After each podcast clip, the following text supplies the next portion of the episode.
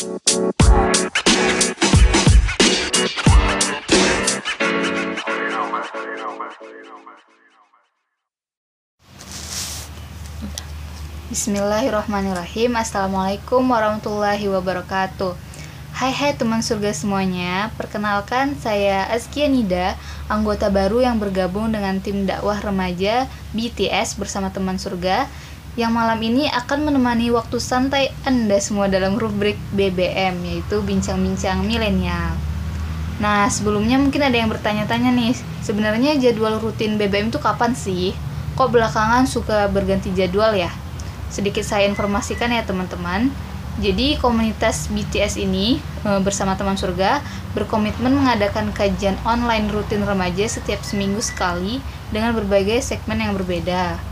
Nah, di minggu pertama kita sama minggu ketiga kita ada bulet bedah buletin teman surga setiap hari Senin via Zoom. Uh, di minggu kedua kita ada diskusi online setiap Senin juga via WhatsApp group di minggu keempat kita ada bincang-bincang milenial BBM yang hari ini sebenarnya dilaksanakannya itu juga setiap Senin sama seperti segmen lainnya. Akan tetapi karena narasumber kita kemarin sempat berhalangan maka kita geser ke hari ini ya. Dan insya Allah bulan depan kita akan kembali ke jadwal semula. Selain itu, insya Allah kita juga mempersiapkan segmen kajian seru lainnya via Zoom untuk mempermudah kita bertemu dan saling mengenal, gak hanya e, nama tetapi juga tahu wajahnya nih. Nah, doakan ya teman-teman semoga e, segera bisa kita realis realisasikan agenda baru kita ini.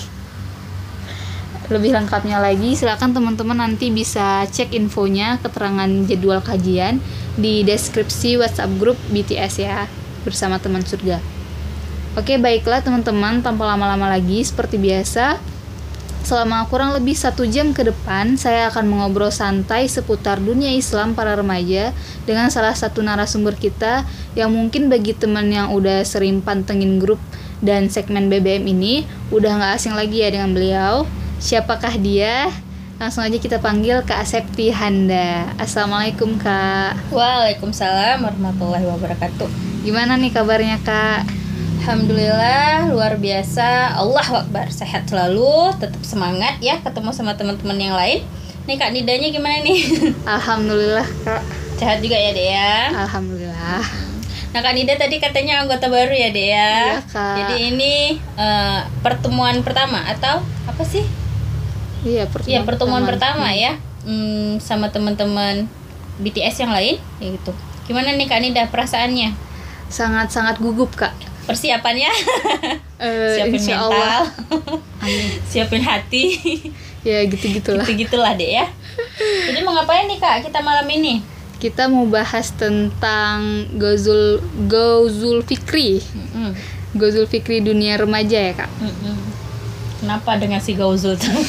Ada apa dengan dia Uh, Oke okay, kak, jadi di malam ini kan kita mau bahas tentang Gozul Fikri dunia remaja kan. Mm -hmm. Sebelumnya di publikasi posternya kita udah kasih sedikit bocoran kan kalau mm -hmm. Gozul Fikri ini berkaitan dengan kemunduran berpikir manusia. Mm -hmm. Nah, kok bisa sih kak? Uh, namanya kenapa mundur? Mm -hmm. Terus maksudnya kemunduran berpikir itu emang seperti apa sih? Mm -hmm. Oke, okay, sebelum kita mengulas lebih lanjut itu, mm -hmm. uh, teman-teman yang mungkin ada beberapa teman-teman yang masih asing ya dengan kata-kata mm -hmm. Gozul Fikri itu. Mm -hmm. uh, untuk pertama pertanyaan pertama mungkin kakak bisa jelasin dulu itu semua Gozul Fikri itu apa sih kak sebenarnya? Oh, Oke okay, gitu ya. Mm. Uh, bentar nih kak ya uh, ada diskusi sesi dis tanya jawab nggak? Oh iya iya benar benar benar. Jadi uh, untuk teman surga sekalian ya maaf ya kak karena ini hari pertama jadi ya, agak lupa lupa gitu. Santai aja.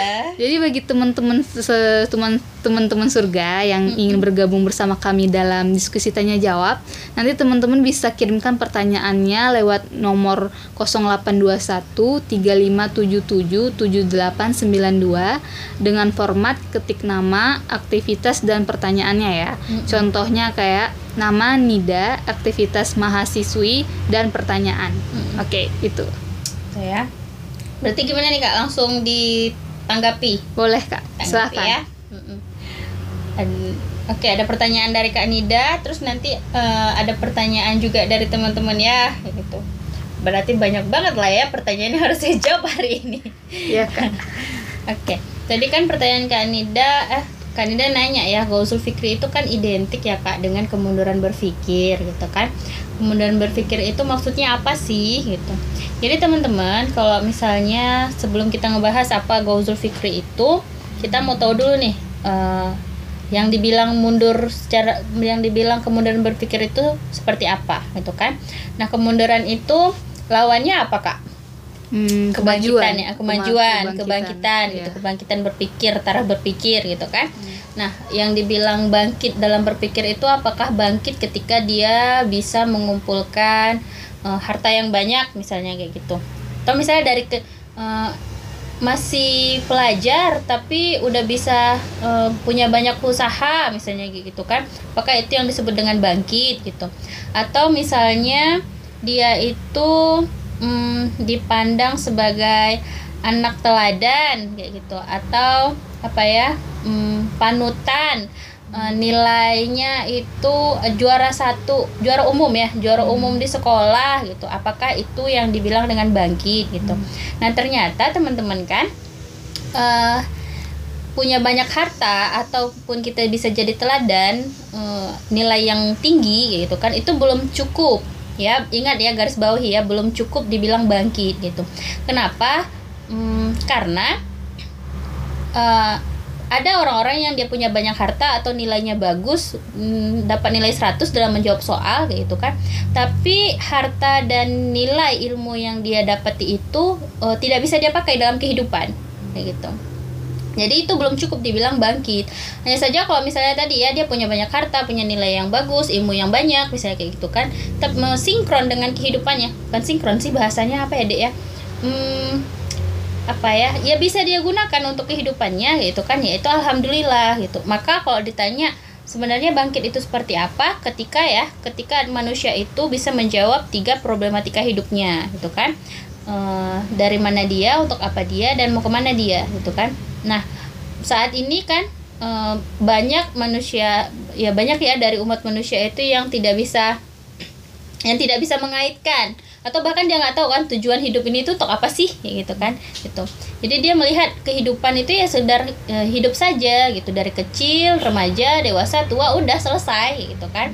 Tapi nggak bisa menghidupkan mengaitkan. Kalau kehidupan sekarang itu berkaitan dengan kehidupan sebelum gitu yaitu adanya pencipta gitu Kemudian dia juga nggak bisa mengaitkan bahwa kehidupan yang kita lakukan saat ini itu akan menentukan nanti kehidupan kita nanti setelah meninggal gitu kan yaitu kehidupan akhirat gitu.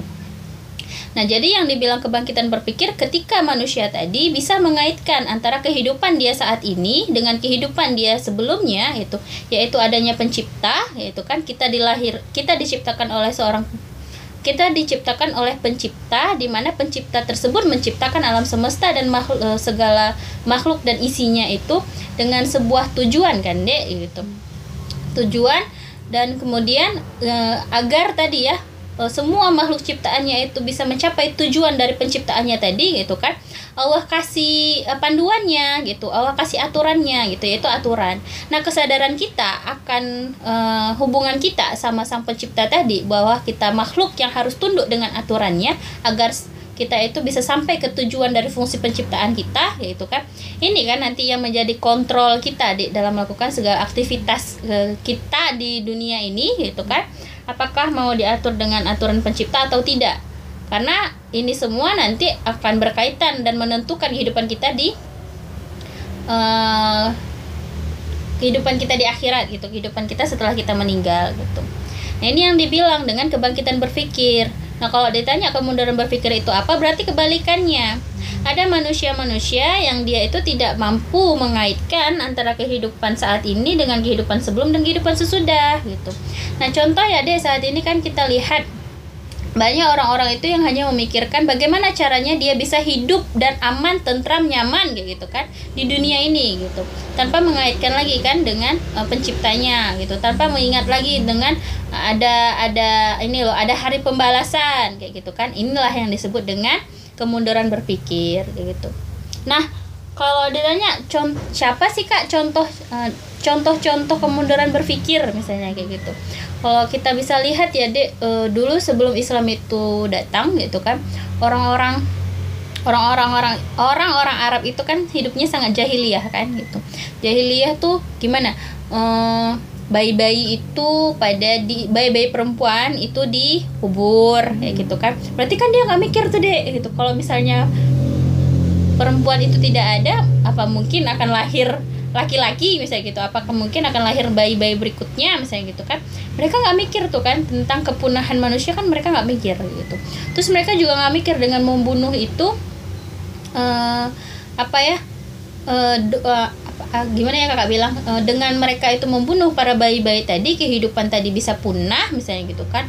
Terus eh, dosa yang mereka dapatkan kayak gitu kan imbalan ya. Ya, dosa lah ya itu azab yang mereka dapatkan dari perlakuan mereka juga mereka kan nggak kebayang ke situ gitu. Yang penting mereka bayangin eh, karena tadi ada berita hoak kalau bayi-bayi perempuan itu eh, nggak nggak mulia misalnya begitu kan ada hoak jadi termakan hoak terbunuh lah misalnya gitu kan. Mereka kan nggak berpikir dampak dari ke depannya itu seperti apa gitu. Itu yang dibilang dengan taraf eh, berpikir eh, kemunduran berpikir gitu.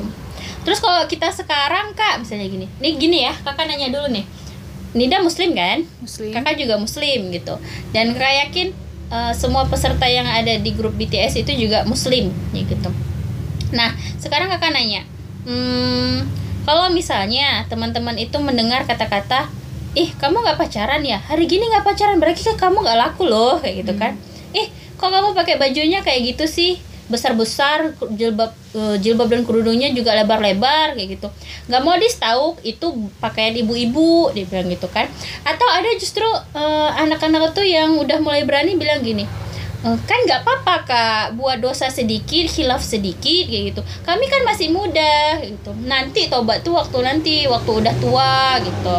Kalau sekarang masa muda itu me- kita itu harus cari kesenangan dulu fun fun dulu gitu.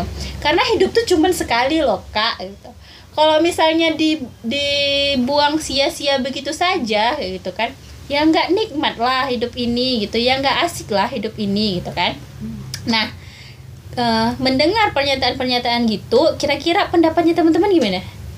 Kalau Nida sendiri dengar pendapat kayak gitu gimana? Merasa aneh sih. Merasa aneh kan? Nggak setuju kan? Kita menolak kan gitu. Nah ya kalau ada teman-teman ya kayak Nida tadi itu teman-teman yang lain masih nggak sependapat dengan ada orang-orang yang seperti begini itu alhamdulillah gitu loh. Karena tadi dia ngakunya muslim gitu. Tapi nggak bisa kita pungkirin deh ternyata banyak teman-teman lain itu yang dia termakan dengan kata-kata begitu. Iya juga ya gitu kan. Nggak ada berarti yang mau sama aku gitu kan. Iya juga ya. Kamu kayak ibu-ibu kayak gitu kan. Ada yang termakan gitu. Iya juga ya. Kita masih ya ini namanya anak-anak ngapain juga kita mikir yang berat-berat misalnya gitu kan. Senang-senang aja lah dulu kayak gitu.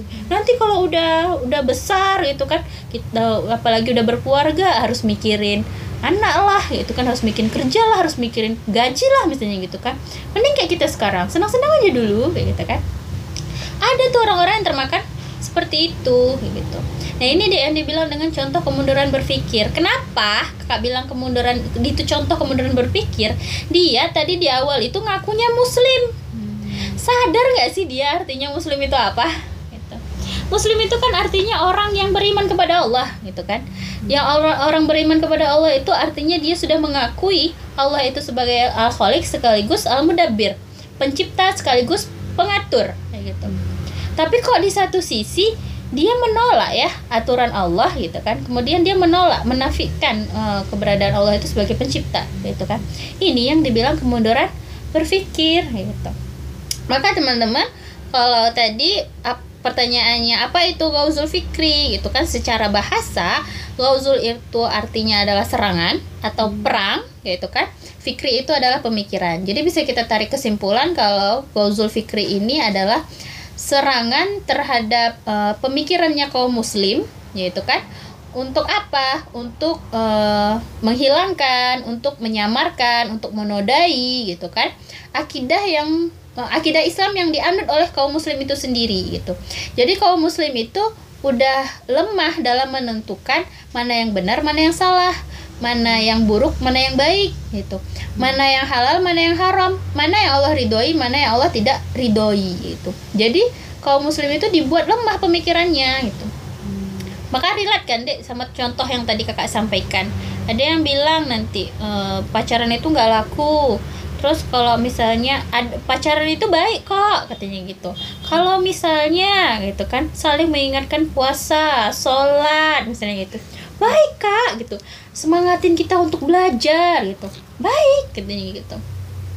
Nah ini kan uh, apakah baiknya itu sesuai dengan pandangan Islam atau tidak sesuai dengan pandangan Islam? Hmm. gitu. Jadi sekarang itu ya begitu deh hmm, kaum muslim ini udah nggak bisa lagi melihat yang mana baik yang mana buruk gitu. Semuanya seperti seakan-akan abu-abu gitu. Nah dalam Islam kan baik buruk halal haram itu kan itu ditentukan oleh standarnya Allah ya kan standar Islam gitu. Karena kalau baik buruk itu dikembalikan ke kita ke manusia oh gini kakak ada cerita pernah de pernah dengar nggak sih dek? Hmm, ada sebuah kisah seorang anak sama seorang bapaknya itu uh, pergi pergi dalam perjalanan sedang dalam perjalanan gitu kan? Dan mereka itu punya seekor keledai gitu. Nah di pejal di perjalanan gitu kan uh, waktu jalan ini kan ada kendaraan ya kendaraannya itu keledai gitu kan? Uh, terus waktu orang-orang lihat gitu kan ih kok mereka bodoh ya? katanya gitu. Ada kendaraan tapi nggak dinaikin gitu. Akhirnya dinaikin lah dek ya gitu kan karena keledainya itu kecil gitu kan maka kan pilihannya kalau nggak anaknya yang naik ya bapaknya yang naik gitu. Karena bak seorang bapak itu sayang sama anaknya itu naikkanlah kamu aja lah nak yang naik katanya gitu. Biar bapak yang jalan gitu. Akhirnya naiklah anak itu di uh, keledai tersebut gitu kan. Kemudian nggak jauh nggak beberapa jauh jalan lagi itu ketemu orang lain gitu kan. Orang lain bilang dek eh ini anak anak durhaka ya masa dia disuruh uh, naik keledai bapaknya disuruh jalan gitu masa dia nggak sayang sama bapaknya? Akhirnya si anak kan dek pak ya udahlah pak bapak aja lah itu. Saya kan menjadi anak yang berbakti nih bapak aja lah yang naik biar saya aja yang jalan itu naiklah bapaknya dek ke keledai gitu. Gantian lah mereka kan. Kemudian nggak jauh jalan lagi ketemu orang lain lagi gitu. Orang orang lain lagi tuh bilang kayak gitu nih bapak nggak ada sayangnya sama anak masa anaknya yang disuruh uh, jalan kita. Anak masih kecil katanya gitu kan. Akhirnya mereka berdua uh, memilih ya sudahlah kita nggak usah jalan aja kita nggak usah uh, naik berdua sama-sama gitu. Datang lagi kayak gitu yang lain gitu. Ah bodoh ada kendaraan tapi nggak boleh dinaikin kayak gitu kan. Akhirnya ya udahlah kendaraan kita aja yang gendong kayak gitu. Kalau ada itu mereka gendong makin disebut gila kan dek? Gitu ada kendaraan masa digendong? Seharusnya kan kendaraan kita yang naikin kan ya gitu. Nah inilah kalau misalnya benar dan salah itu dikembalikan kepada manusia. Pasti pandangannya itu berbeda-beda dan akan berganti-ganti berubah-ubah gitu. Maka manusia itu harus punya satu standar uh, yang baku gitu. Datangnya dari mana gitu. Dalam Islam kita diajarkan kan segala uh, standar itu datangnya dari Allah kayak gitu. Nah sekarang udah seperti itu nggak sih berpikirnya kaum muslim saat ini gitu. Nah kalau tadi kita ngebahas contoh-contoh yang kita angkat kan ternyata uh, jauh ya dek ya dari standarnya Islam gitu. Islam mengatakan pacaran itu haram gitu. Kok ada yang bilang pacaran itu baik kayak gitu kan? Islam mengatakan pakaian uh, syar'i wanita itu adalah jilbab dan kerudung. Tapi kok ada kaum muslim itu yang menganggap pakaian itu adalah uh, merepotkan kayak gitu. Terus terlalu panas kayak gitu. Ya kan? Gitu. Nah sebenarnya kita ke tanyakan kembali kepada um, kaum muslim sebenarnya tujuan kamu hidup itu untuk apa? Apakah cuma untuk sekedar hidup dan mencari manfaat hidup saja gitu? Atau kamu sadar nggak Allah itu menciptakan kamu itu untuk beribadah sama Allah gitu kan? Seperti yang Allah katakan dalam surah Az-Zariyat ayat 56 wa ma khalaqtul jinna wal insa illa liya'budun gitu tidak aku ciptakan jin dan manusia kecuali untuk beribadah kepadaku gitu. Nah ini umat muslim yang dia ngaku saya adalah muslim, saya beriman kepada Allah kayak gitu kan. Tapi kok perilakunya tidak mencerminkan dia itu beriman kepada Allah gitu. Nah ini disadari atau tidak oleh kaum muslim. Nah, ini deh yang disebut dengan Ghausul Fikri. Jadi perang pemikiran tadi. Ya, serangan pemikiran. Di mana tadi kalau bisa umat muslim itu uh, statusnya adalah Islam ya gitu kan? Tapi cara dia berperilaku gitu. Eh, cara dia memandang kehidupan itu kalau bisa jangan menggunakan Islam begitu nah begitu kak Nida. Mungkin yang bisa kakak jawab dulu ya Hmm, Oke kak, jadi tadi kakak bilang Gozul Fikri itu artinya serangan pemikiran ya kak? Ya, oke, stop. Eh, oh jadi gitu kak, jadi secara bahasa makna Gozul Fikri itu kan serangan pemikiran dan ternyata tujuan dari Gozul Fikri itu untuk memisahkan umat Islam dari akidahnya sendiri.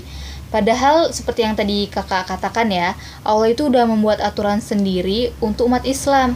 Tapi sayangnya faktanya sekarang umat Islam malah terkena Gozul Fikri yang mengakibatkan kemunduran berpikir kayak contoh-contoh yang tadi udah kakak paparkan ya. Terus muncul nih kak pertanyaan selanjutnya, tapi sebelum kita ke pertanyaan berikutnya, s- eh, saya ingatkan ya bagi teman-teman surga sekalian, bagi yang ingin bergabung bersama dalam diskusi tanya jawab, teman-teman bisa kirimkan pertanyaannya ke nomor 0821 3577 7892 dengan format ketik nama, aktivitas, dan pertanyaan. Oke, kembali lagi ke pertanyaan berikutnya ya kak. Pertanyaan kedua, eh, pertanyaan itu eh, apa sih kak yang melatar belakangi munculnya Gozul, Fik Gozul Fikri ini? Terus musuhnya itu siapa dan kenapa menyerangnya tuh umat Islam gitu? Iya, hmm, jadi teman-teman memang ya Gausul Fikri ini itu nggak ujuk-ujuknya tiba-tiba ada sekarang kayak gitu. Jadi Gausul Fikri ini itu sudah melewati beberapa abad proses lah kayak gitu. Cuman dia memang e, terlihatnya lebih nyatanya itu sekarang kayak gitu. Nah tadi kan dia harus melewati beberapa proses dulu sehingga hasilnya bisa di bisa tampak kayak gitu. Nah jadi kalau kita membaca sejarah kita melihat kayak gitu kan eh, sebenarnya eh ya kalau ya kalau kita, sebelum kita ngomongin tentang Ghusul Fikri itu kan kayaknya kita nggak afdol kalau nggak ngebahasin tentang Barat yang Iya. di mana Barat itu dia bukan nama seseorang nih deh gitu. Tapi eh, nama yang mewakili sebuah peradaban gitu kan. Apa ya? Peradaban kemudian eh, sudut pandang cara pandang tentang kehidupan gitu. Jadi ibarat itu ya, ya itu tadi ya identik dengan sebuah peradaban atau sudut pandang kayak gitu kan. Nah eh, Barat itu kan punya aturan eh, aturan hidup bukan aturan hidup. Sebelum aturan Barat itu punya cara pandang bagaimana mereka mengatur kehidupan mereka gitu. Kalau Barat meyakini kan eh, hidup ini itu yang ngatur itu ya kita sendiri gitu. Manusia itu sendiri gitu. Karena mm, badan itu badan kita kan. Kehidupan itu kan kehidupan kita gitu. Jadi yang buat aturan itu ya datu- datang aturannya itu dari kita gitu. Mereka ada yang meyakini adanya Tuhan gitu kan. Tapi keberadaan Tuhan itu bukan sebagai uh, al-mudabbir sebagai pengatur kayak gitu. Cukup hanya sekedar Tuhan itu menciptakan saja. Setelah itu Tuhan memberikan kebebasan sebanyak-banyaknya kepada makhluk penciptaannya kayak gitu. Nah ini kan bertentangan dengan Islam kayak gitu. Jadi eh, kalau ditanya sebenarnya klausul fikri itu dari mana kayak gitu kan? Nah Barat itu berusaha eh, ingin oh gini dia. Jadi kalau misalnya gini ya dek kita lihat ya sebenarnya kan manusia eh, bukan manusia kehidupan itu identik dengan yang namanya aturan ya kan? Eh, di mana-mana itu pasti ada aturannya. Contoh misalnya di sekolah kayak gitu. Ada aturan kan kalau misalnya nggak diatur contoh misalnya nggak diatur jadwal piket kayak gitu. Yang piket cuma orang-orang yang rajin aja yang nggak eh, orang yang fobia dengan kotor atau fobia dengan debu kayak gitu. Tapi dia dia terus yang piket. Suatu saat lelah nggak dia Lelah. capek nggak dia gitu? Capek. baik lelah hati maupun lelah eh, baik lelah fisik maupun lelah batin kan? Iya lelah mental kan gitu. Jadi maka akhirnya dibuatlah aturan kita buat jadwal piket. Hari ini siapa yang piket besok siapa yang piket kan begitu itu begitu juga nanti ada aturan misalnya kita kumpul uh, uang kas kayak gitu. Kalau nggak dibuat aturan bisa jadi ada orang-orang yang nggak mau bayar uang kas kayak gitu. Hmm, iya. nanti kan yang bayar uang kas akhirnya merasa tidak tidak adil kayak gitu kan. Akhirnya terjadilah uh, percekcokan pertikaian kan begitu gitu. Nah ini salah satu contoh deh kalau uh, salah satu contoh fakta bahwa hidup ini memang butuh aturan. butuh aturan gitu. Jadi ha- yang harus kita pahami bahwa kalaulah kita tidak diatur dengan Islam maka kita pasti akan diatur dengan aturan yang lain. Nah dalam tatanan kehidupan gitu kan uh, aturan itu ada tiga sumber bukan ada tiga sumber uh, yang mengatur saat ini itu ada tiga. Mungkin kalau kakak lebih gampangnya bilang gini adik. Uh, di dunia ini ada tiga ideologi yang diadopsi uh, oleh sebuah negara untuk mengatur tatanan kehidupannya gitu kan. Baik nanti uh, aturan dalam bernegara aturan dalam bermasyarakat maupun aturannya uh, sebagai individu kayak gitu kan gitu jadi ada yang namanya nanti aturan dari kapitalisme sekuler, ya kan? Menganggap bahwa Tuhan itu pencipta tapi jangan e, ikut mengatur urusan manusia, gitu kan? Sebab mereka tidak meyakini, oh sebab mereka meyakini bahwa e, nanti kondisi di surga neraka itu urusan nanti, gitu kan? Kemudian ada yang memandang sosial komunisme sosialisme gitu. Tidak meyakini bahwa adanya Tuhan, gitu kan? Jadi tentu karena manusia itu harus diatur dalam kehidupan dunia gitu kan harus ada aturan lain kan yang datangnya dari mana? Yang datangnya dari akal manusia gitu. Bagi mereka mereka nggak meyakini adanya nanti hari pembalasan hari akhir itu nggak ada deh gitu. Dan satu lagi adalah Islam gitu. Di Islam ini adalah agama yang memancarkan uh, aturan gitu kan di mana aturan itu datang dari sang pencipta gitu. Bagi orang-orang yang tidak mengikuti aturan pencipta nanti akan masuk ke neraka yang kita yakini gitu kan. Kemudian bagi orang-orang yang mm, mengikuti aturannya Allah kan akan masuk surganya gitu kan. Nah yang namanya e, ideologi akidah itu pasti akan mempertahankan eksistensinya gitu. dia pingin diemban dia pingin dianut gitu. Ide ini deh karena ide kan dia cuman ide kan nggak nggak ada nih ya nggak ada bentuk fisik ya gitu dia ya ide kayak gitu kan ya pemikiran abstrak. gitu abstrak gitu kan hmm. gitu tapi yang namanya ide ini tuh dia bisa terlihat bisa nampak itu kan kalau udah dianut kan hmm. ya gitu jadi namanya ide, akidah, ideologi itu pasti uh, akan mempertahankan eksistensinya. Pingin diemban, pingin dianut kayak gitu kan, pingin dipakai lah gitu bahasanya kita yang lebih awam lagi ya gitu. Nah, karena Barat itu menganut ideologi kapitalisme sekuler, yaitu kan menganggap bahwa aturan itu harus datangnya dari manusia, nggak boleh diatur oleh Tuhan, kayak gitu kan. Nah, Barat itu berusaha gitu menggeser aturan-aturan lain gitu yang nggak sesuai dengan dia gitu termasuk Islam gitu. Tapi kalau ditanya tadi Kak Nida nanya ya musuhnya siapa? Sebenarnya musuhnya itu bukan hanya sekedar Islam teman-teman kayak gitu tapi tadi ya ada juga yang namanya komunis sosialis gitu. Cuman kalau baca sejarah komunis sosialis udah selesai ditumbangkan oleh kapitalisme gitu. Sudah berhasil. Nggak ditumbangkan sama kapitalisme ya. Tumbang dengan sendirinya sebenarnya gitu. Jadi musuhnya tinggal satu Islam kayak gitu. Maka yang diserang itu adalah kaum muslim ya kan? Karena uh, lagi ya kita mundur ke belakang apalagi waktu itu uh, puncaknya um, munculnya Gausul Fikri ini uh, dari kekalahan perang perang salib ya kan? Kemudian uh, terus berlanjut kayak gitu kan? Barat juga melihat uh, ternyata kaum muslim ini tidak bisa ditumbangkan secara fisik kayak gitu kan? Dengan peperangan kayak gitu kan? Kenapa? Karena umat muslim itu punya mental apa ya? Mereka tuh punya satu prinsip gini deh. Uh, kaum muslim ya itu kita kan ya gitu. Dan kita bisa ngukur ya kita udah kayak gitu belum maksudnya gitu. Muslim itu punya prinsip saya itu hidup harus mulia gitu kan. Mati uh, syahid gitu kan. Hidup mulia dalam pandangan Islam gitu kan. Um, kaum muslim terdahulu itu mereka mulia itu kalau ke mana-mana tuh bawa Islam gitu. Mereka akan merasa ya itulah deh hidupnya tuh ke mana-mana tuh dengan Islam. Jadi kalau mereka nggak hidup diatur dengan Islam ya itu kan mereka merasa hidupnya tuh hampa. Kita udah kayak gitu belum? Gitu. Itu pertanyaannya. Sampai kayak gitu belum? Ya gitu. Nah karakter karakter kaum muslim terdahulu itu seperti itu. Kenapa? Gitu kan. Kok beda banget kayak sama kita? Gitu. Karena mereka tahu deh tujuan hidup mereka tuh untuk apa? Gitu. Kalau kita kan tadi ya karena udah masuk gauzul fikri gitu kan kita udah nggak tahu lagi kan tujuan hidup kita apa gitu. Kita nggak melakukan lagi perbuatan kita itu untuk mencari ridha Allah gitu kan. Tapi cuma untuk sekedar kesenangan dunia aja kayak gitu.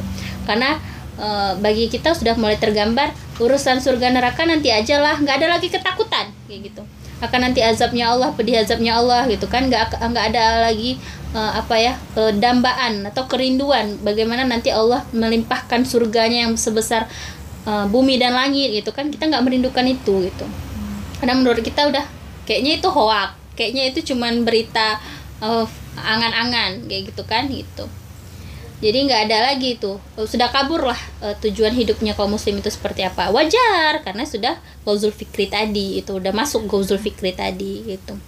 Apalagi tadi ketika barat e, membaca sejarah ada kekalahan dari e, perang salib yaitu kan kemudian pausnya menyadari bahwa kekuatan kaum muslim itu terletak pada pemikirannya yaitu kan. Jadi e, kemudian barat belajar dari situ barat bilang gitu kan sebenarnya uh, tugasnya kita itu bukan mencabut kaum muslim itu dari agamanya, tapi mencabut pemikiran Al-Qur'an dan As-Sunnah yang menempel pada pemikiran-pemikiran uh, kaum muslim gitu. Ketika kita sudah mencabut Al-Qur'an dan As-Sunnah itu dari pemikiran mereka, yaitu kan akan gampang kita susupi-susupi mereka dengan sakafah-sakafah barat kayak gitu. Jadi itu deh kekalahan mereka itu. Apalagi waktu itu dia deh uh, dulu ada kecemburuan gini ya ada kecemburuan tadi selain Barat ingin menjaga eksistensinya gitu kan kemudian uh, ada kecemburuan yang lahir dari Barat melihat kegemilangan Islam peradaban ke kegemilangan peradaban Islam ah, gitu kata-katanya teratur ya. Karena kan uh, Islam kan berjaya selama 13 abad ya dek. Kemudian uh, kebayang nggak sih adik-adik itu disebut Islam itu berjaya? Dulu yang menjadi pusat pendidikan itu adalah negara-negara muslim. Kayak gitu. Jadi negara-negara barat itu dulu kalau mau mencari ilmu pengetahuan mau pinter secara uh, secara sains maupun teknologi itu mereka datangnya itu ke negara ke negara-negara muslim. Ya gitu. Kemudian uh, apalagi um, secara pembangunan juga gitu kan. Itu dulu ketika dulu barat itu nggak kenal mandi nggak kenal nutup aurat itu seperti apa gitu kan. Kaum muslim kan udah kenal ya deh cara bersuci gitu. Itu nggak perlu diajarin lagi kan kayak gitu. Mereka udah kenal duluan gitu. Kemudian dalam bidang kesehatan begitu juga gitu. Uh, dalam ilmu kesehatan kan lahir ilmuwan-ilmuwan muslim kan yang menemukan uh, apa alat-alat bedah kayak gitu kan. Terus apa lagi misalnya iyalah alat-alat bedah terus uh, apa uh, obat-obatan uh, untuk penyakit itu kan lahirnya dari muslim kayak gitu. Kemudian kan barat mencontek ya bukan mencontek karena barat melihat loh kok uh, kalian pernah nonton film Doraemon gak sih? Kakak teringat film Doraemon nih ngebahas kayak gini. Tuh kan ada film Doraemon tuh yang ada satu uh, planet kembar yang satu lagi itu hidupnya makmur yang satu lagi hidupnya kelam kayak gitu kan. Nah ibaratnya itu zaman dulu itu kan barat itu kehidupannya kelam peradaban barat tuh kelam itu karena teknologi nggak maju kayak gitu kan. Kesehatan juga nggak maju pendidikan juga nggak maju gitu. Dan mereka melihat ada kesilauan dari peradaban Islam gitu. Dari situ mereka gimana ya caranya? Kita juga harus seperti mereka kayak gitu kan. Akhirnya belajar ke negeri-negeri muslim. Cuman karena tadi yang namanya barat dia punya akidah yang uh, akidah yang menganggap bahwa manusia itu jangan pakai aturan Tuhan gitu kan. Akhirnya kan mereka uh, apa ya di, mencuri ya mencontek lah tadi. Kita ambil aja ilmu pengetahuannya kita ambil aja ilmu um, kesehatannya gitu kan. Tapi nanti kita pulang gitu kan kita pakai aturan kita kayak gitu. Ya gitu jadinya gitu Uh, dan ketika mereka sudah maju secara peradaban kayak gitu kan sudah berhasil lah dengan contekan-contekan mereka tadi gitu kan mereka buat uh, naik level lah kayak gitu. Kalau dulu kita yang mengikuti sekarang kita harus diikuti gitu. Ya kan? Jadi mereka akhirnya oke okay, kita harus mengalahkan Islam nih supaya kita menjadi uh, negeri atau peradaban yang memimpin bukan peradaban yang dipimpin kayak gitu kan. Nah caranya itu kaum muslim ini nggak bisa kita tumbangkan dengan peperangan gitu kan. Karena mereka nggak takut mati gitu. Justru mereka mengorbankan diri mereka gitu kan di medan perang dengan sukarela gitu kan. Terus kekuatannya tidak terkalahkan jadi gimana ya cara lainnya ya supaya umat muslim ini bisa tumbang ya? Islam ini bisa tumbang ya gitu kan. Apalagi kalau perang deh biaya itu mahal kan kapitalisme sekuler. Kapital itu kalau bisa mengeluarkan modal sedikit dikitnya keuntungan iya, sebanyak banyaknya ya. kan? Kayak gitu. Iya. jadi mereka pikir-pikir juga tuh secara ekonomi. Nih kalau perang tuh mahal kayak gitu. Biaya perangnya berapa? Terus berbulan-bulan yang namanya perang gitu kan? Gimana caranya kita itu bisa melakukan perang tapi ekonomis kayak gitu. Ya itu tadi dengan perang pemikiran gitu. Nah, jadi kalau ditanya latar belakangnya dari mana kak? Ya itu tadi latar belakangnya dari pertama kekalahan eh, kekalahan perang salib ya melawan kaum muslim. Kemudian Barat itu terpacu gitu kan? Eh, apa? eh, Barat itu terpacu eh, dari kekalahannya perang salib itu untuk menjatuhkan kaum muslim. Jangan lagi lewat perang fisik kayak gitu. Kalau perang fisik kalau perang fisik nggak mampu kita pakai perang eh, pemikiran Gauzul Fikri tadi tuh. Dan jadi musuhnya siapa? Musuhnya itu nggak cuman hanya Islam ya dek ya gitu. Tapi kalaulah ada nanti atau peradaban lain yang ternyata menjadi saingan Barat pasti Barat itu akan menumpas juga begitu. Nah begitu kak Nida. Yang bisa saya jawab?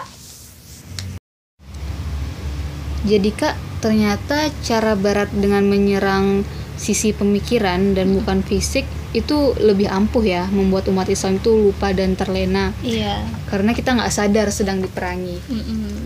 Oke, sebelum ke pertanyaan berikutnya, sebelumnya saya mau ingatkan ya ke teman-teman surga sekalian yang ingin bergabung bersama kami dalam diskusi tanya jawab. Sekali lagi, sahabat surga bisa mengirimkan pertanyaannya ke nomor 0821 3577 7892 dengan format ketik nama, aktivitas, dan pertanyaan.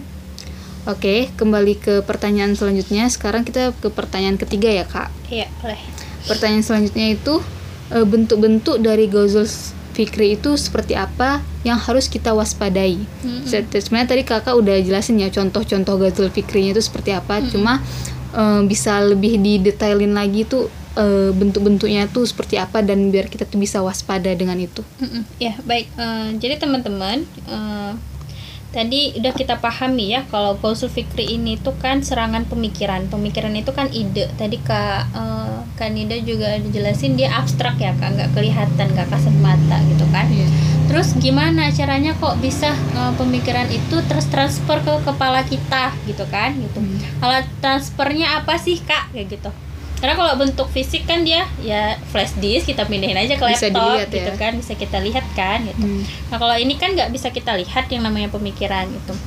Nah eh, yang mesti memang eh, teman-teman semua eh, secara umum Ghazul Fikri itu menyerang seluruh umat muslim ya kan. Tapi secara khususnya gitu ada alat-alat tertentu yang digunakan untuk menyerang kaum milenial atau remaja gitu. Jadi eh, bentuk-bentuk Ghazul Fikrinya atau alat-alat eh, alat-alat eh, serangnya gitu kan itu biasa kita kenal dengan EPSE deh Apa itu?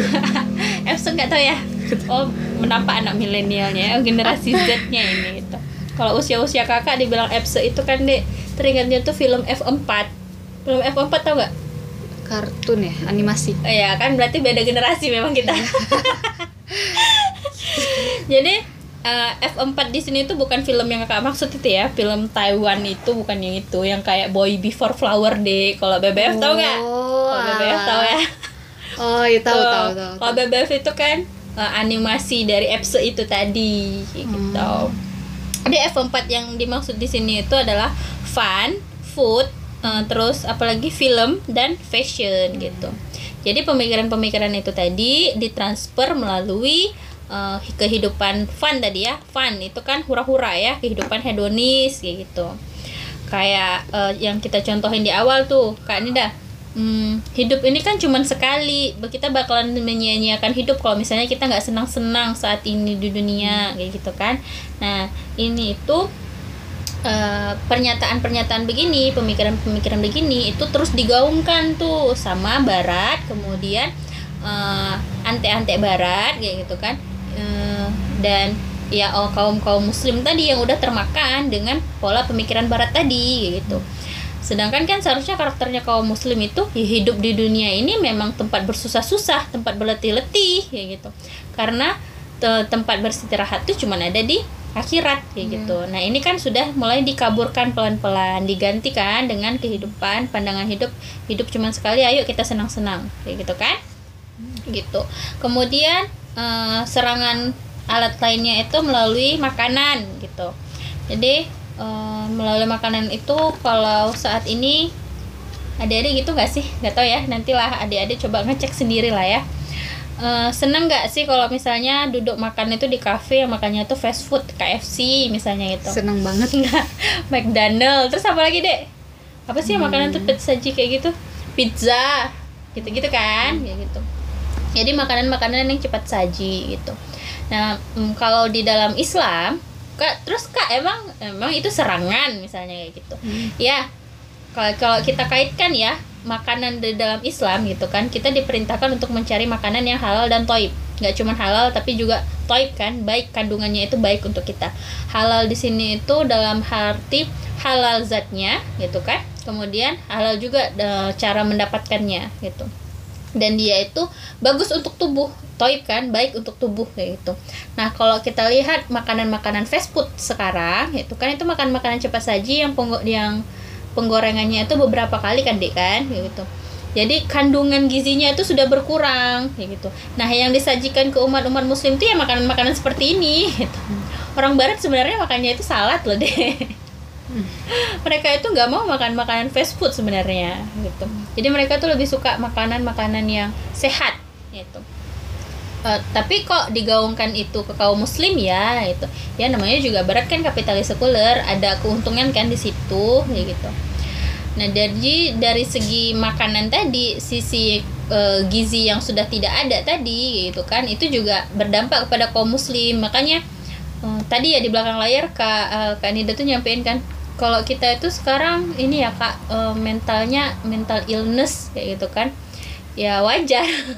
Terus kaum milenial sekarang itu hmm, dia ya tadi ya oh, mudah galau kan sifat sis eh, karakternya karakternya itu mudah galau. Terus semuanya serba instan gitu kan mau apa apa tuh instan nggak tahan sama tekanan kayak gitu kan. Nah ini ada kaitannya sama makanan gitu. karena makanan makanan yang dimakan juga udah nggak bergizi nggak ngasih tenaga buat dia kayak gitu. Dia wajar kan kalau misalnya dikasih tekanan sedikit ya itu alah udah nggak ada lagi tenaga ini gitu kayak gitu kan gitu. Di bawahnya tuh ngeluh aja gitu. Nah jadi itu tadi ya mm, food nih itu lewat makanan. Apalagi sekarang tuh ada serangan mm, makanan itu dari budaya Korea.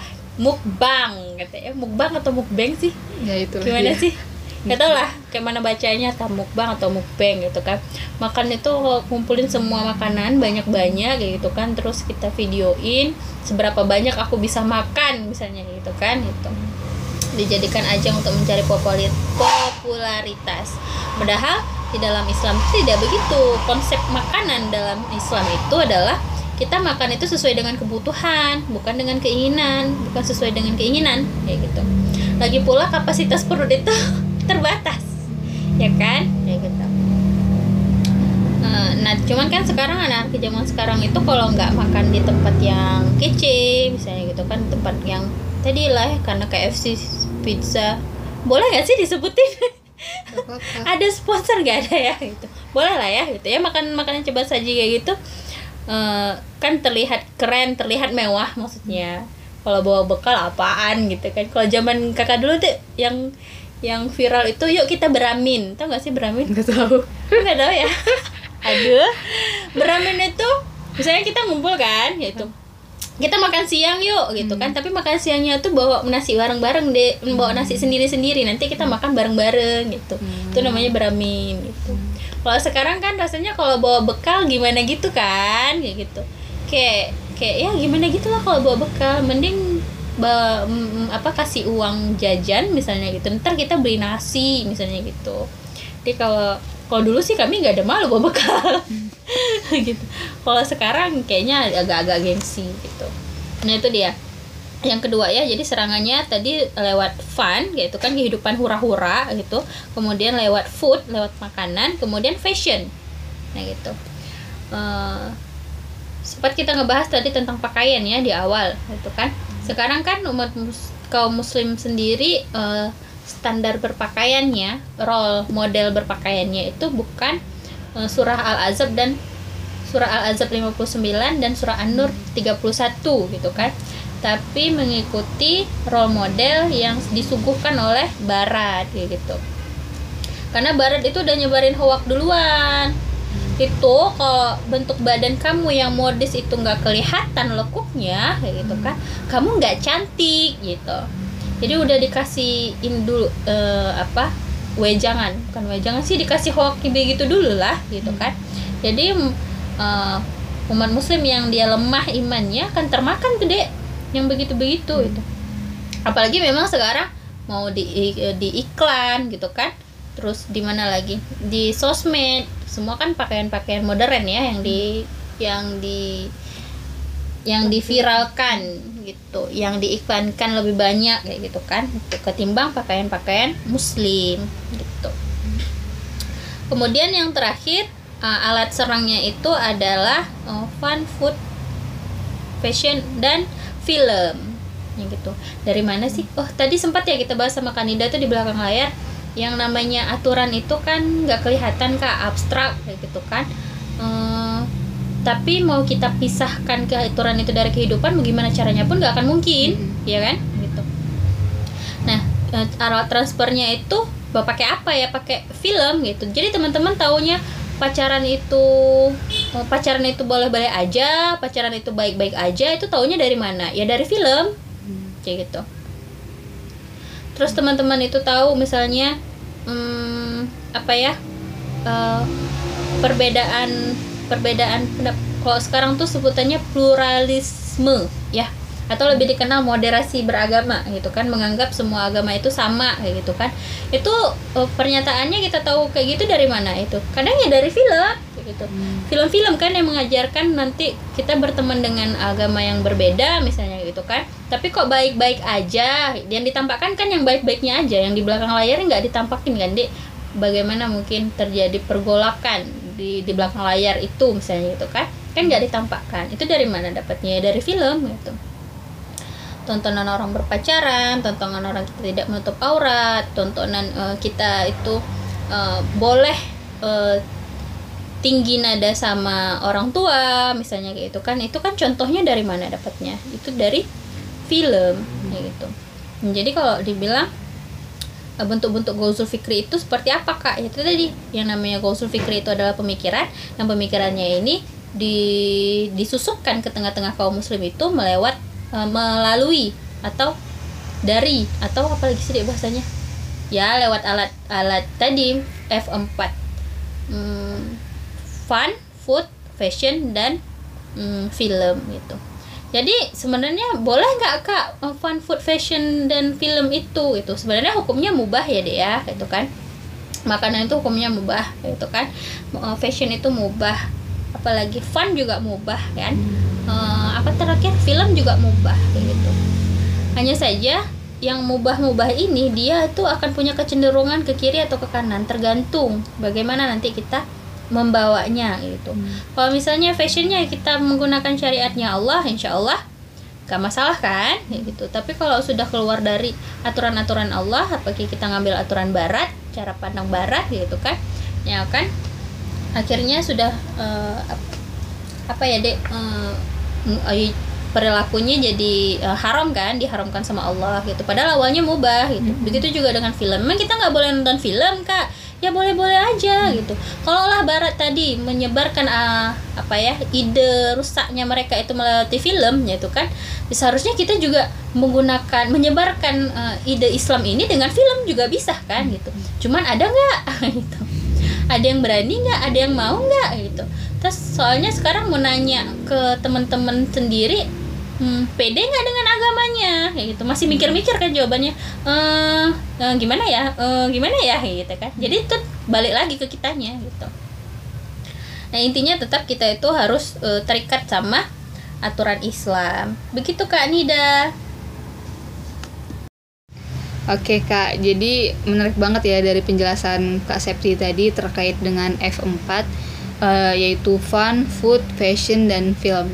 Jadi ternyata keempat uh, F ini mm-hmm. uh, merupakan alat yang dilakukan oleh Barat untuk mentransfer ide atau pemikiran mereka ya ke umat Islam. Iya. Uh, yang malah yang membuat itu umat Islam tuh jadinya tuh jauh gitu mm-hmm. dari uh, akidahnya, akidahnya sendiri. Iya, benar. Nah kak, pertanyaan selanjutnya nih, sekarang pertanyaan keempat ya uh, timbul pertanyaan saya mm-hmm. apakah galau itu termasuk dari Gauzul Fikri kak nggak nyambung ya kak? Okay. tapi nggak apa-apa kak. Oke okay. galau ya dek ya? Hmm, galau itu termasuk gauzul fikri nggak sih? Gauzul itu kan pemikiran tadi ya. Eh gauzul itu serangan pemikiran-pikiran. Nah galau ini kan identik kita tanya dulu gini dulu. Uh, galaunya kenapa dulu maksudnya Hmm. gitu kalau misalnya kalau kakak sebenarnya uh, Aduh, yes. menggalaukan menggalaukan. Kalau kakak bilang galau tuh boleh nggak sih? Boleh. Kalau gitu ya. Ada tapinya tapi ya. Kalau misalnya kita galau hmm, kok kita nggak bisa taat syariat ya? Kok susah kali sekarang hijrahnya? Oh, itu mantap gitu kali. kan gitu.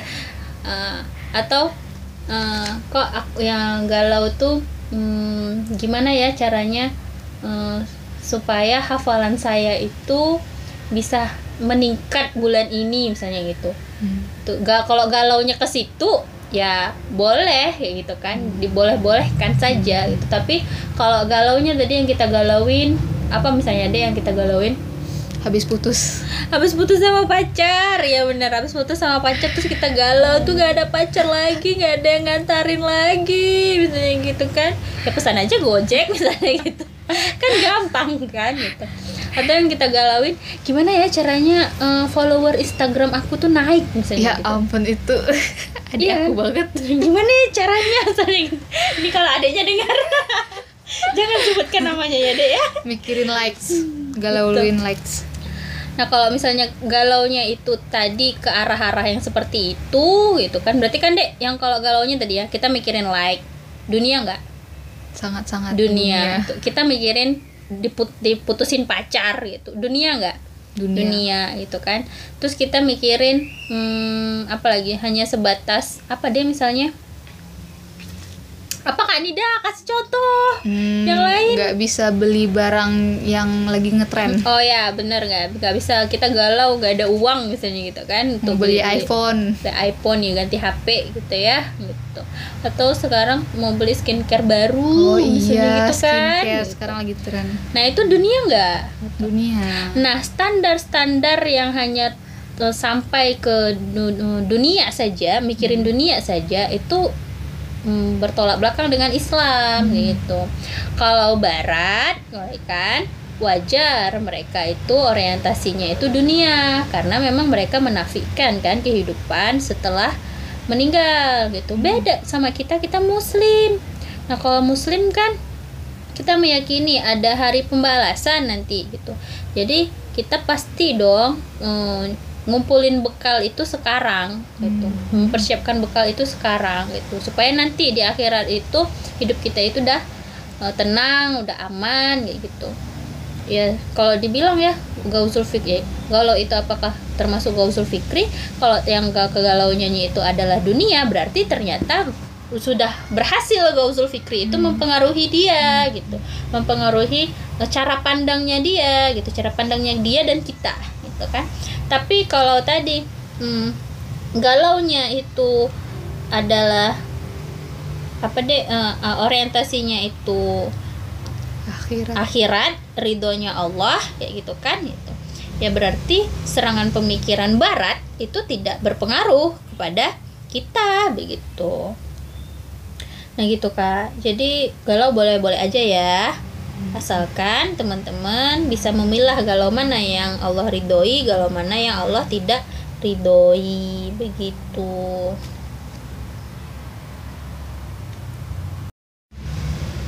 Oke, jadi tadi tentang galau itu tadi kakak bilang berarti tergantung apa yang digalauin ya. Secara Iya. umum galau tuh ya boleh. Boleh. Cuma apa dulu nih yang digalauin? Yang digalauinnya tuh tergantung apa untuk dunia kah? Yang sifatnya tuh cuma sementara atau untuk Allah atau mencari ridho Allah gitu ya kan kak? iya bukan ridho Roma deh ya iya kak. karena ridho Roma dapatnya juga di dunia nanti Oke, pertanyaan terakhir nih kak. Oke, kita masuk ke sesi terakhir ya teman-teman. Yang terakhir adalah sebagai pemuda muslim yang mulai peka dan ingin bangkit dari kondisi yang tidak Islam menuju ke Islam gitu kan kak. Mm-mm. Pertanyaannya tuh gimana sih cara ngelawan pem- perang pemikiran ini nih kak? Kalau kita sebagai pemuda muslim udah paham nih ternyata Islam loh yang bener. Terus kalau misalnya udah ketemu perang pemikiran ini gimana kak sebagai pemuda muslim kita gimana Iya. cara itu? Uh, uh, benar memang uh, teman-teman uh, kalau kita pertama ya kita memang menumbuhkan uh, rasa kepekaan kita kan gitu cuman dia itu kita bisa peka atau enggak itu tergantung uh, sakafah yang kita punya hmm. kayak gitu karena kalau sakafahnya kita memang dari kecilnya kita mengadopsi sakafah barat kita nggak punya perbandingan sakafah Islam kan hmm. gitu ya kita nggak akan kita pasti nggak akan mau uh, apa di diatur sama Islam gitu hmm. tapi itu kan karena Allah sudah menurunkan Al-Quran dan saya yakin gak ada kaum muslim itu yang kaum muslim itu pasti dia pernah dia udah tahu ya kalau misalnya Islam itu adalah agama yang benar ya kan? Agama yang satu-satunya agama yang diridhoi Allah itu kan? Pasti lah nggak ada kaum muslim yang ada nggak sih kak? Saya rasa nggak ada ya yang berpikiran kayaknya agama Islam nggak benar. Padahal dia ngomongnya muslim. Tapi secara faktanya ada sih sebenarnya kita hmm. tengok orang-orang yang kayak gitu kan gitu nggak yakin dipertanyakan sama imannya iya, ya, patut dipertanyakan imannya memang begitu itu. Jadi caranya supaya kita tadi apa kak? Supaya kita bisa um, melawan. melawan atau memerangi Gauzul Fikri tadi yaitu dari Gauzul Fikri dari barat tadi gitu kan. Pertama tentu kita harus menambah sakafah Islam gitu. Jadi uh, kita yakin teman-teman sama uh, kebenaran yang datang dari agama kita gitu. Hmm. Kalau kita udah yakin kebenaran yang datang dari agama kita akan kita tuh otomatis gitu hmm. menjawab kayak kayak Nanda tadi kan jawab gimana sih dek tanggapan dek dengar kalau misalnya ada teman-teman yang bilang uh, apa nggak pacaran itu nggak asik nggak laku hmm. misalnya kayak gitu kan ya nggak bener lah kak gitu hmm. kenapa bisa spontan itu bilang menolak pendapat kayak gitu gitu kan ya karena Nida udah yakin dalam Islam itu yang namanya pacaran itu pasti akan mendatangkan kemudaratan gitu pasti akan mendatangkan azabnya Allah kan begitu gitu karena itu perbuatan yang sangat Allah benci gitu kan Nah, Nida udah yakin juga kan kenapa sih kita harus diatur sama uh, aturannya Allah? Karena Nida udah buktiin Allah itu pencipta, Allah itu pengatur kayak gitu. Dan kita itu memang sebaik-baiknya aturan kehidupan datangnya ya dari pencipta lah gitu. Nah, kalau datang dari siapa sih uh, orang yang paling tahu tentang uh, benda ciptaannya gitu kan tentu penciptanya kan hmm. gitu. Nah dia kan udah berhasil kan menjawab pertanyaan itu dan dia yakin gitu. Nah keyakinan ini teman-teman kan akan seiring seiring waktu itu akan bertambah kalau kita itu semakin terus dan terus dan terus menerus gimana sih bahasanya terus menerus terus menerus ya begitulah teman-teman. Saya yakin anda mengerti maksud perkataan saya kan gitu. Nah, kalau kita tuh terus menerus itu menimba sakafah gitu. Nggak cuman merasa cukup udah cukup ngaji uh, tahsin aja misalnya kayak gitu kan. Baca udah yang penting udah bisa baca ikro baca Al-Qur'an deh kayak gitu. Hmm. tapi nggak mau mentadaburi misalnya kayak gitu kan terus udah cukup deh belajar agama itu di sekolah aja dua jam misalnya itu nggak usah tambah lagi waktu ngaji di luar misalnya kajian-kajian di luar nggak usah misalnya kayak gitu kan. Udah cukup belajar uh, Islam itu sekedar ibadah mahdo saja gitu. Hmm. tata cara puasa tata cara sholat zakat haji kayak gitu. Yang lain-lain tentang pergaulan misalnya gitu kan. Hmm. tentang muamalah gitu kan. Hmm, tentang apa lagi? Tentang lain-lain lah istilahnya itu nggak mau kita pelajari misalnya gitu kan hmm. nah itu nggak bisa juga gitu karena semakin pernah dengar ya deh istilah padi itu semakin berisi semakin men menunduk hmm, gitu. Pernah. Nah ilmu tuh begitu juga gitu. Semakin banyak kita mengkaji ilmu gitu kan, semakin bertambah keimanan kita gitu. Dan kita juga nggak lupa ya untuk terus bertakarub sama Allah gitu kan, supaya iman kita juga uh, diistiqomahkan sama Allah. Nah itu yang pertama. Yang kedua hmm, nggak cuman merasa cukup kita itu mengkaji mencari sakafah Islam mencari ilmunya yaitu kan. Tapi bagaimana caranya agar ilmu yang kita dapat itu bisa kita praktekkan ke dalam kehidupan gitu. Yang kayak uh, di awal uh, tadi kakak sempat bilang kan hmm, bangkit itu bukan kalau misalnya dia berhasil jadi uh, siswa berprestasi gitu kan?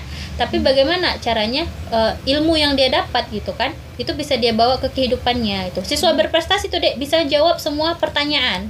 Gitu. tapi bisa nggak dia pakai nilai itu tuh untuk kehidupan dia gitu? Uh, pernah kita nggak jarang ya dek ngelihat ada kaum muslim itu ketika dia diputus. Oh kemarin tuh. Ya kenapa? Kasus yang eh, anak perempuan di- didapati seorang anak perempuan bunuh diri karena setelah mohon maaf ya dek ya dilecehkan oleh Oh. pasangan kekas pasangannya yang ternyata pasangannya itu juga seorang polisi gitu kan gitu. Itu saya yakin ketika ditanya dalam ujian gitu kan eh, menurut kamu bunuh diri itu rugi atau untung? Jawabannya pasti rugi. ya gitu. Menurut kamu bunuh diri itu perbuatan baik atau salah? Jawabannya pasti salah. kayak gitu kan? Tapi kok akhirnya dia memilih pilihan itu? Nah ini yang menunjukkan bahwa eh, kita bisa menjawab soal-soal di kertas gitu kan? Belum tentu kita bisa mempraktekannya di kehidupan begitu maka tadi eh, nggak cukup hanya kita itu membaca dan mempelajari eh, Al-Quran kayak gitu kan mempelajari Islam tapi bagaimana agar Islam ini itu bisa kita praktekkan gitu. Kita tahu nih dek solusi eh, solusi misalnya kita tertimpa musibah itu Allah menyuruh kita itu untuk sabar misalnya gitu. Terus gimana cara praktekin sabar itu gimana gitu kan. Ini kan butuh latihan berkali-kali ya sehingga kita tuh memang bisa bisa benar-benar jadi orang yang sabar mukhlis al khalis gitu kan. Gitu kemudian yang ketiga eh, hidup dalam lingkungan yang baik. Jadi eh, kalaulah kita hidup sama eh, orang-orang yang lingkungannya baik misalnya kita beraktivitas sama orang-orang yang soleh sama orang-orang yang juga dia itu sepakat sama kita ambil standar-standar eh, aturan Allah ya kayak gitu kan otomatis kita bakalan terjaga nih dari Gauzul Fikri tadi. Kalaupun ada nanti serang-serangan yang datang dari Gauzul Fikri dan kondisi kita lemah gitu kan kita akhirnya termakan Gauzul Fikri ada teman-teman kita yang soleh tuh yang ngingetin kita gitu dan memang Hmm. Tapi susah kak sekarang nyari orang soleh misalnya gitu kan. Kalaupun ada sedikit kak misalnya gitu. Kalaupun ada eh, takutnya nanti eh, malah semuanya jadi termakan gausul fikri itu gimana kak gitu kan. Memang nanti eh, kalau di dalam Islam kita bisa bilang ya dek. Hmm, oh gini, kalau di dalam Islam kita nggak nunggu ada orang soleh kayak gitu. Tapi kita yang membentuk semuanya orang itu jadi soleh nah gitu. Nah caranya gimana? Dengan cara ayo kak Nida belajar Islam. Belajar Islam dari awal gitu. Gimana caranya? Gini. Kak Nida punya teman-teman nih gitu Hmm. kan. Ternyata termakan serangan Gauzul Fikri mendakwahkannya. Iya, oh gitu. iya. Jadi kita dakwahkan juga. Tadi kita udah tercerahkan gitu kan, Hmm. gitu. Kita udah belajar Islam, kemudian kita udah eh, mempraktekkan Islam, kita udah merasakan bagaimana Islam itu eh, bisa menghid- mm, bisa membuat hidup kita nyaman dan tentram gitu kan. Eh, kita juga butuh teman-teman yang lain supaya eh, kita itu juga kuat dari segala ujian gitu kan Kah- apakah ujiannya nanti datang dari pergolakan batin kita sendiri Atau maupun dari- datang dari luar? Bisa kita butuh teman-teman soleh yang lain untuk mengingatkan gitu. Tapi nggak ada nih teman-teman solehnya. Caranya gimana ya harus saya buat soleh juga mereka gitu kan? Biar bisa saling mm, kuat dan menguatkan. Ya kita dakwahkan gitu. Jadi Islam ini juga disebar gitu. Kalau tadi si Barat ya menyebarkannya melalui F4 kita juga bisa memanfaatkan kan Eh, penyebaran itu F eh, lewat F4 tadi kayak gitu. Nah kemudian yang kelima eh, ngikut aturan Islam itu nggak kayak robot. Istilahnya di sini istiqomah dengan aturan Islam bukan berarti kita nggak boleh seneng-seneng gitu. Jadi nggak ada tuh sebenarnya yang bilang kalau ikut aturan Islam kan kak kaku misalnya gitu kan terus monoton terus kuno gitu. kuno terus nggak bisa senang-senang katanya gitu. Cupu. Cupu gitu kan. Ini eh, kakak nggak ngerti ya. Karena kakak nggak ngerasain. Karena kakak senang aja gitu belajar Islam tuh seneng gitu. Jadi nggak ngerti kalau misalnya ada teman-teman yang bilang belajar senang tuh eh belajar senang. Belajar Islam tuh nggak enak nggak asik. Kayak gitu kan. Karena bagi kakak ketika kakak mendalami Islam itu kelihatan asiknya tuh kelihatan banget gitu. Soalnya Islam itu luas kan banyak banget hal yang bisa kita pelajari gitu kan. Dari mau kita belajar masalah astronomi itu ada di Islam kita belajar masalah kesehatan itu ada di Islam gitu kan. Kita mau belajar masalah ekonomi juga ada di Islam gitu. Kita mau belajar otomotif juga ada di Islam gitu. Jadi saking banyaknya semuanya itu berasal dari Islam tuh kakak ngelihat keren banget ya Islam ini gitu. Kok banyak banget yang harus saya pelajarin di Islam. Jadi asik aja kelihatannya tuh asik gitu. Nah itu jadi eh, ngikutin aturan Islam itu ya nggak kayak robot gitu kalau dan kita juga namanya makhluk makhluk hidup manusia itu kan uh, punya apa ya punya keterbatasan gitu kan kadang punya keterbatasan dan butuh proses hmm. untuk tadi ya untuk untuk bisa untuk bisa menerapkan Islam itu uh, untuk tadi agar Islam itu bisa istiqomah uh, kita jalankan. Itu kan butuh proses gitu jadi nggak nggak ujuk-ujuk ketika hari ini kita belajar Islam tiba-tiba kita udah bisa jadi orang yang soleh aja 100% gitu. Nggak juga kayak gitu. Pasti namanya fitrah-fitrah itu ada rasa lelahnya itu pasti gitu. Cuman ya tadi bagaimana kita um, menyikapi rasa lelah kita kayak gitu kan terus bagaimana kita itu um, mengistirahat tubuh kita gitu kan sesuai dengan Islam tadi gitu. Yakinlah teman-teman kalau misalnya kita udah mendalami Islam ya kan teman-teman itu akan merasa asik sendiri dalam Islam itu gitu. Cuman kalau saat ini bilang enggak enggak asik berarti belum mendalami itu aja gitu. Dan apa ya dek satu lagi ya eh, saat ini itu agar uh, sakafah kita bisa terjaga gitu kan. Terus uh, kita juga bisa menjalankan aturan itu uh, tanpa ada halangan gitu kan? Aturan Islam itu tanpa ada halangan gitu kan? Kemudian kita juga bisa mendakwahkan Islam ini menyebar ke seluruh uh, penjuru gitu kan? Termasuk teman-teman kita memang uh, tantangannya itu tidak bisa kita lakukan secara individu. Tidak cukup ya gitu. Tapi uh, butuh peranan kalau di dalam Islam itu ada yang namanya peran negara deh gitu. Hmm. peran negara dalam menjaga sakafah Islamnya umat Muslim hmm. gitu kan. Dengan memboikot semua sakafah-sakafah asing yang masuk ke negaranya misalnya gitu. Kemudian uh, apa memfasilitasi bagaimana agar uh, umat muslim itu bisa menjalankan syariat kayak gitu kan. Kalau dia tadi misalnya ke mau naik haji kekurangan dana misalnya gitu kan ya uh, negara itu ber, mm, memikirkan solusi bagaimana agar uh, umat muslim ini itu punya dana yang cukup ya itu kan untuk naik haji misalnya gitu. Jadi emang ada bantuan atau peranan negara ya untuk menjaga itu semua. Nah masalahnya gitu kan saat ini itu mungkin negara kita juga melihat uh, gini ya um, umat muslimnya itu udah nggak umat muslimnya tuh nggak nolak barat gitu. Nggak nolak uh, paham-paham barat gitu. Jadi uh, negara mungkin melihat umat muslim itu nggak sakit gitu kan. Baik-baik aja ya kalau baik-baik aja ngapain diobatin gitu kan. Nah kalau bagi kita yang peka terhadap serangan-serangan barat ini tadi gausul fikri dari barat ini tadi dan nggak mau kan hidup uh, hidup itu jauh dari Islam jauh diatur dengan tanpa Islam kan nggak mau gitu. Nah gimana caranya agar hmm, negara ini juga mau mengambil aturan Islam agar mempermudahkan kita tadi dalam beramal ya dek ya gitu. Uh, ya kita menunjukkan penolakan kita terhadap Gauzul Fikri tadi gitu. Uh, kita uh, menyampaikan ketidaksukaan kita tadi terhadap pemikiran-pemikiran barat tadi gitu. Misalnya saat ini uh, apa uh, digaungkan kita harus menganggap LGBT itu sama dengan kita gitu kan. Itu itu mereka sama-sama manusia misalnya gitu kan. Hmm. terus kita mendukung uh, apalagi deh tadi lah paham bang kalau kalau yang mudah-mudahnya gitu kan. Kita menolak ada orang-orang yang mengatakan um, pacaran itu boleh-boleh aja. Kita menampakkan ketidaksukaan kita. Kita bersuara jangan cuman hmm. diam. Ah nggak apa-apa lah itu kan urusan dia itu kan. Itu kehidupannya dia itu yang nggak boleh seperti itu gitu. tapi kita harus bersuara. Allah nggak ridho dan saya juga juga ridho juga kalau misalnya terjadi banyak kemaksiatan kayak gitu kan. Karena Allah itu pasti akan menimpakan azabnya itu nggak nggak milih-milih dia aja loh yang berdosa misalnya gitu. Nggak begitu kayak gitu.